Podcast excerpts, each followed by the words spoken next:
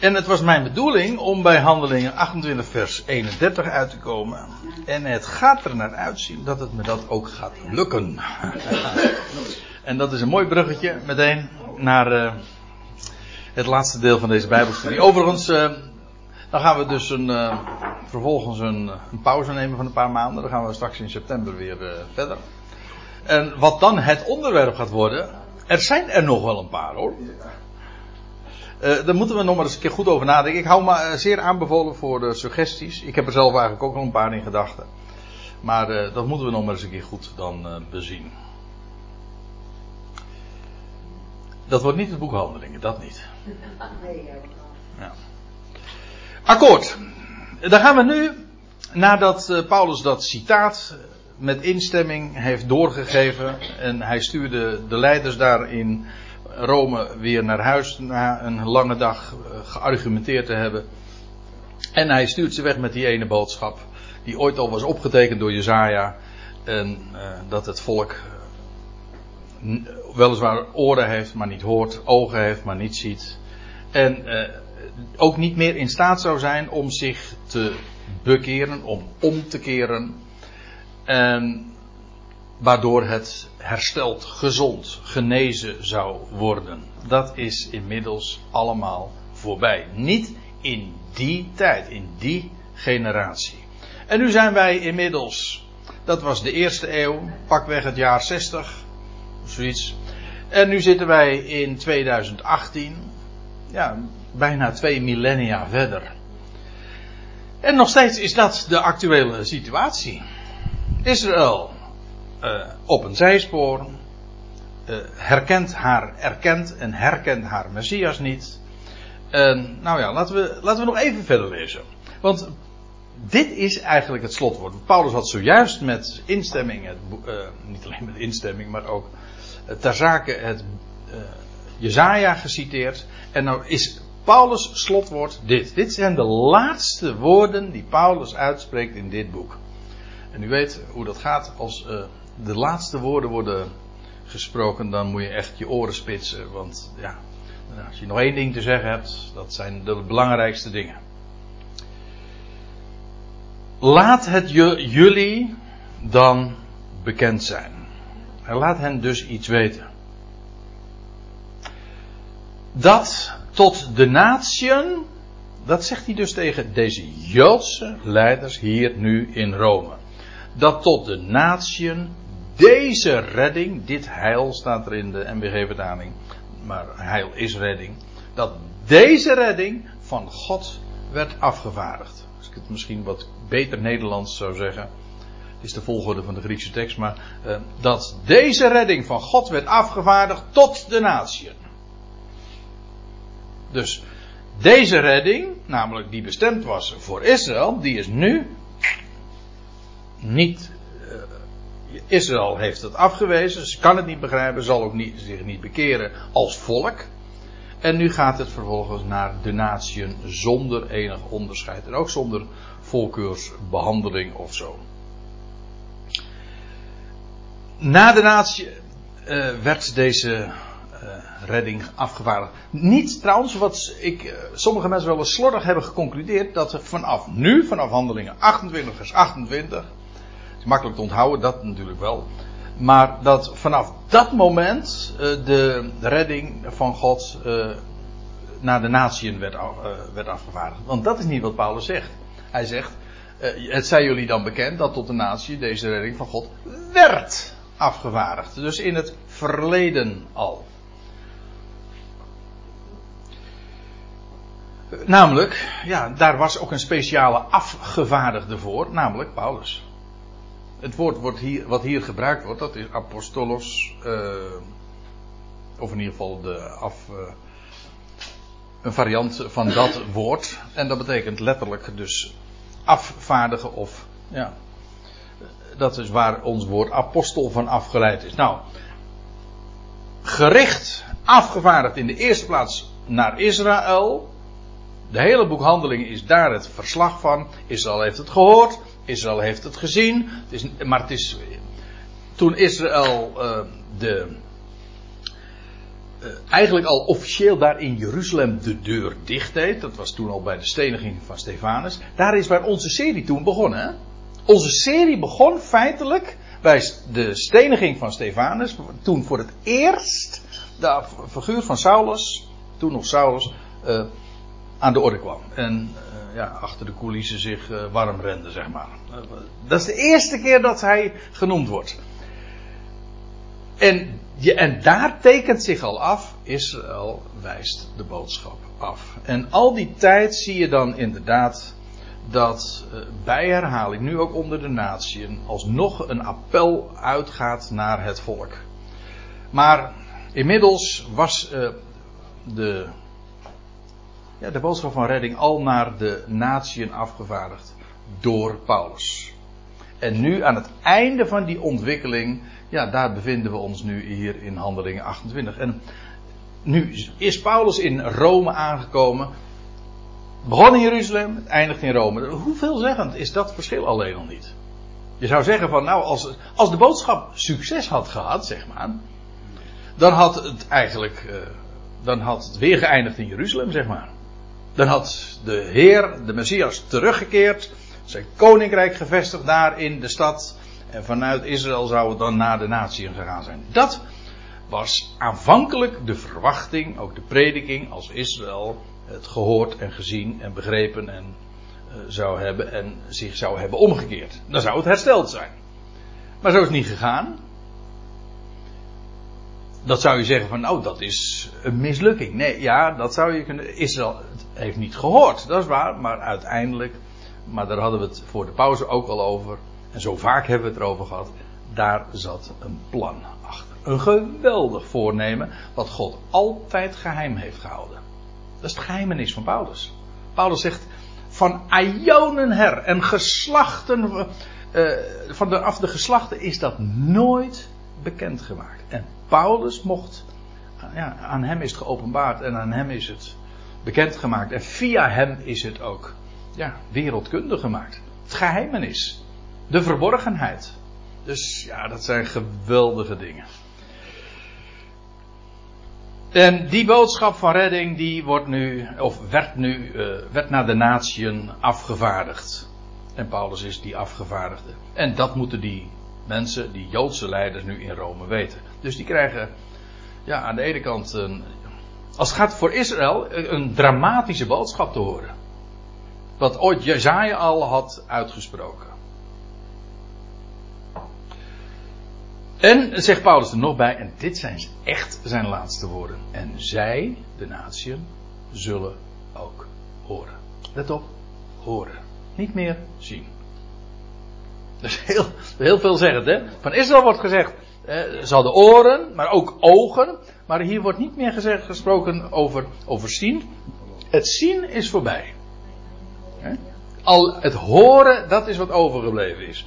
Zegt de Heer Jezus trouwens ook tegen, tegen Thomas. Hè, die ook zag. Hè, maar dan zegt hij, gelukkig degene die niet zien, maar nochtans geloven.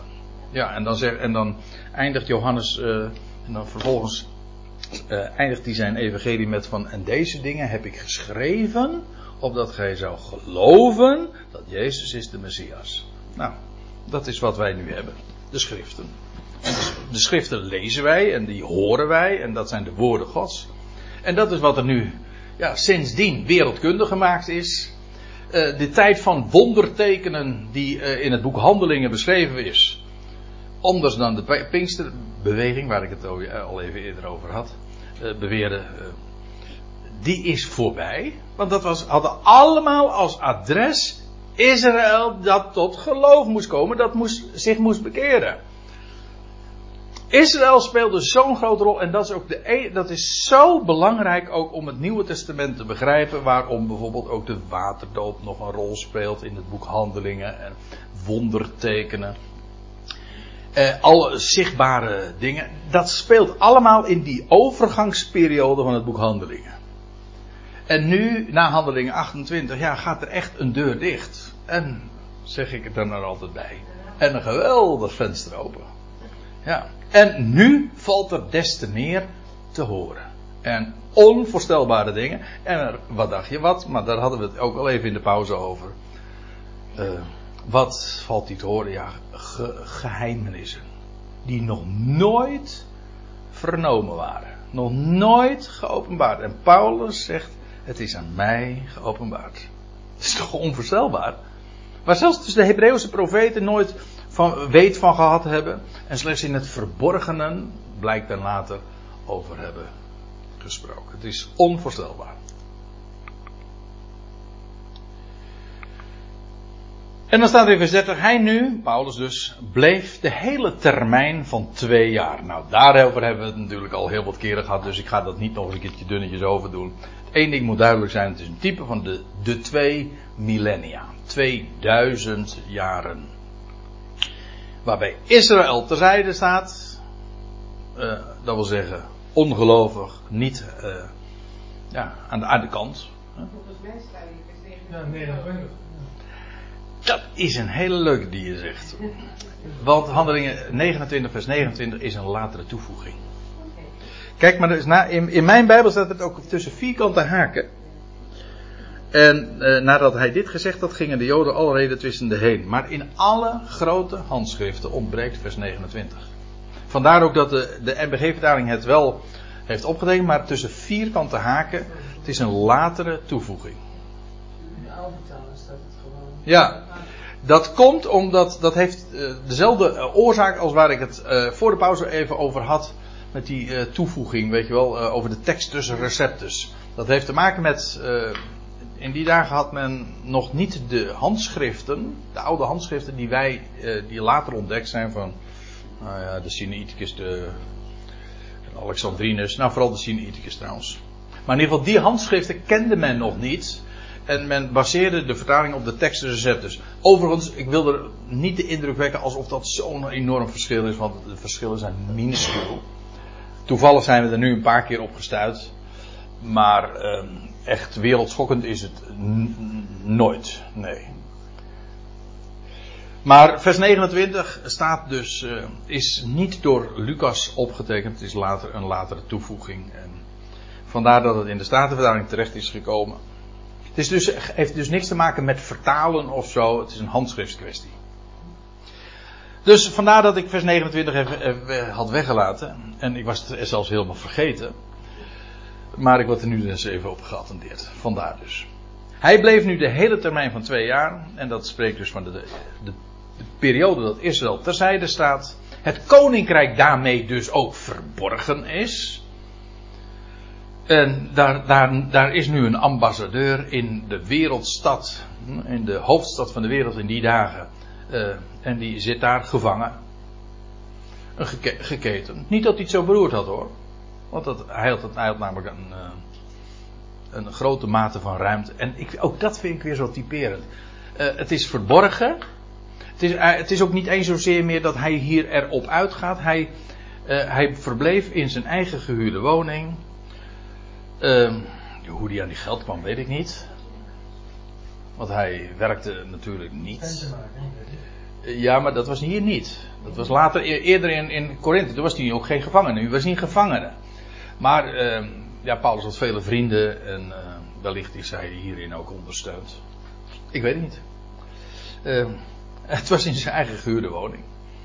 Uh, we weten in ieder geval dat Paulus ook uh, links en rechts wat uh, ondersteuning ook kreeg, bijvoorbeeld van de Filippiërs en zo.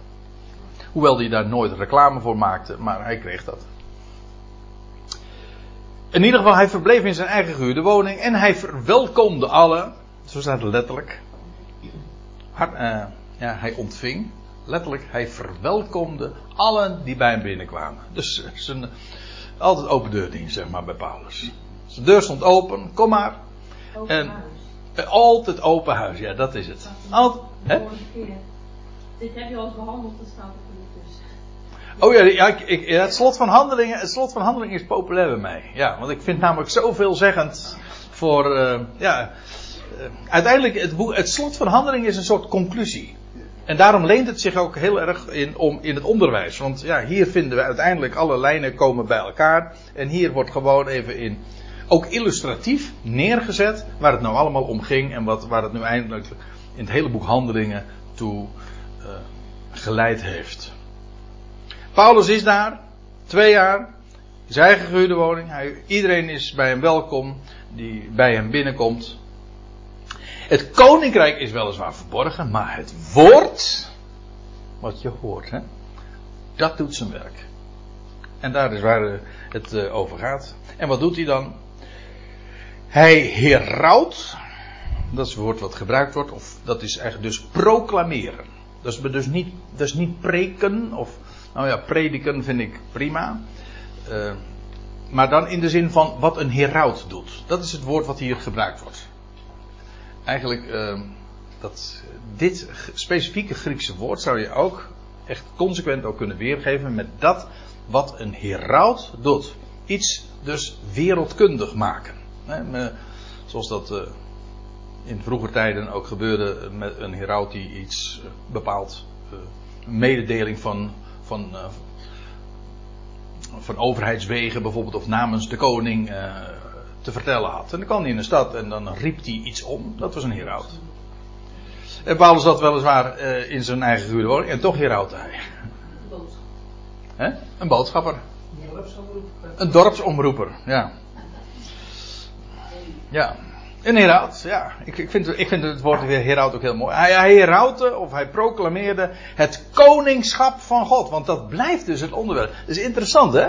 Want hij had nu, eh, ja, was er eigenlijk dus een, een wissel omgezet. Uh, Israël luisterde niet, uh, bekeerde zich niet en zou ook niet hersteld worden. Ja, maar dat, dat, koninkrijk komt wel. Alleen nu is er een, een, een, een ja, een, een pauze. Hè? Maar daar herinnert de naam Paulus ook aan. Is er een pauze, een interval. Een, een tijd dat Israël tijdelijk terzijde staat. En straks, na de twee jaren, als u begrijpt wat ik bedoel.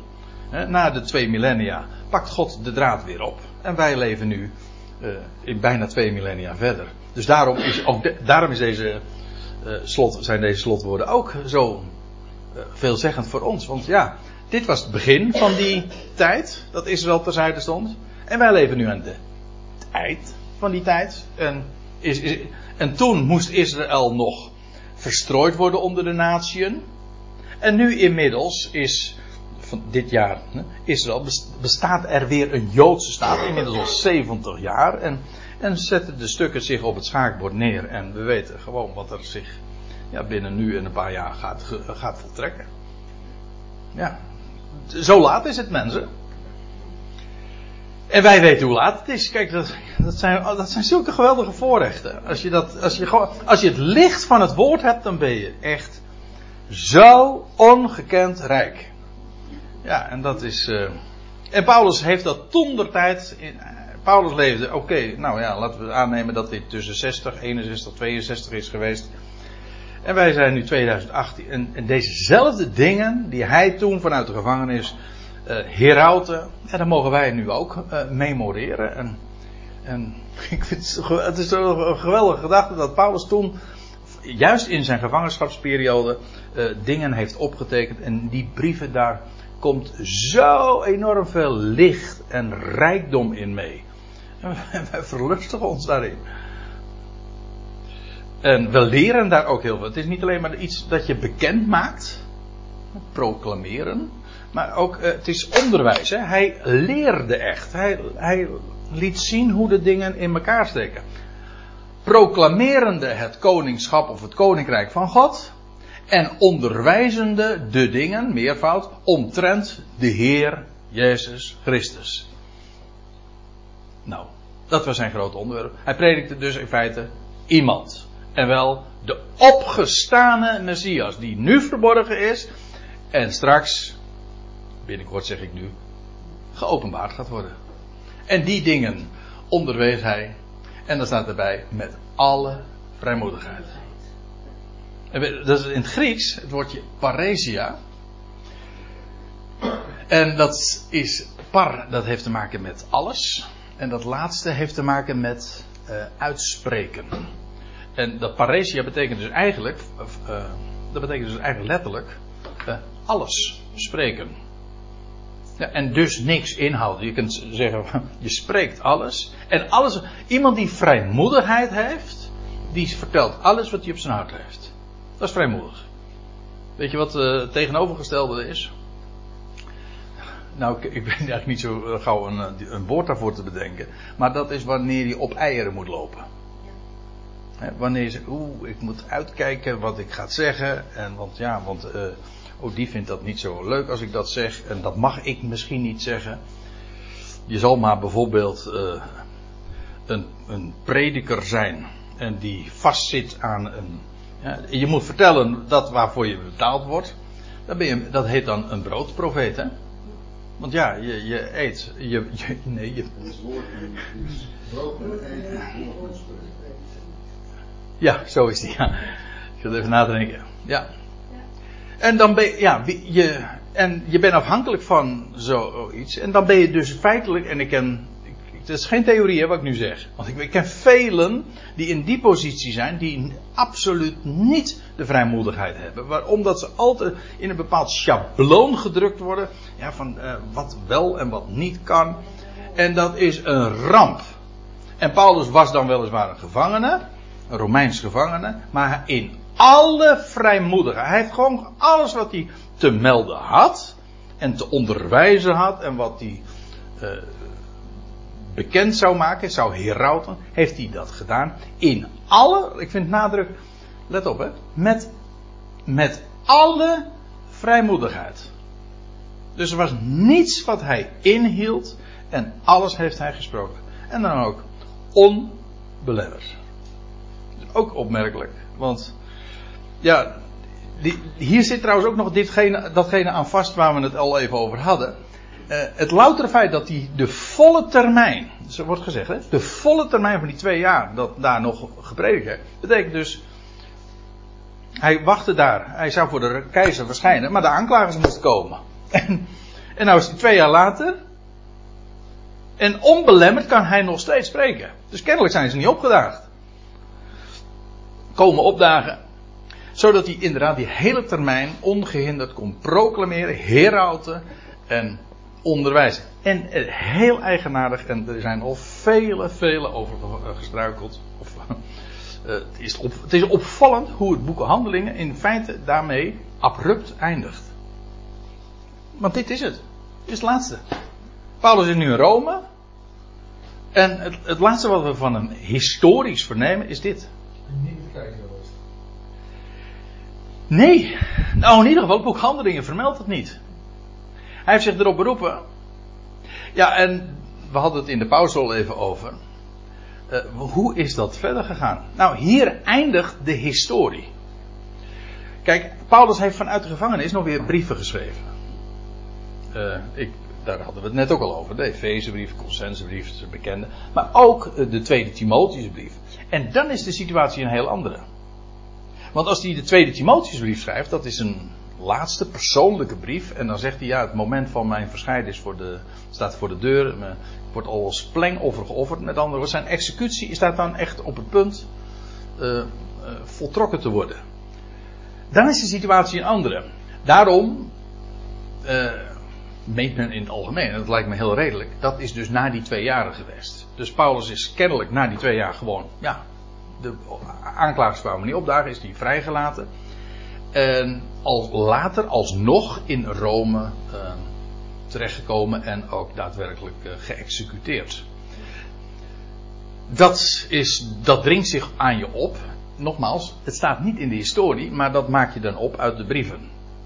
Je weet ook bijvoorbeeld dat hij in de Filipijnse brief schrijft dat hij uh, hoopt spoedig vrijgelaten te worden. Dat is waarschijnlijk aan het einde van die twee jaren geweest. Dan denk ik van nou ja, dan kan hij vrijgelaten worden. Maar hij is bijvoorbeeld ook nog uh, ja, de, de Titusbrief die kan je niet ergens in het boek Handelingen plaatsen. Dus dat moet daarna nog geweest zijn. Dat hij ook nog op Kreta is geweest. En we weten ook dat hij nog het plan had om naar Spanje te gaan. Dat lezen we in de Romeinenbrief. Dat, uh, heeft hij dat ook daadwerkelijk gedaan? Ja, wie weet. Ik denk het wel.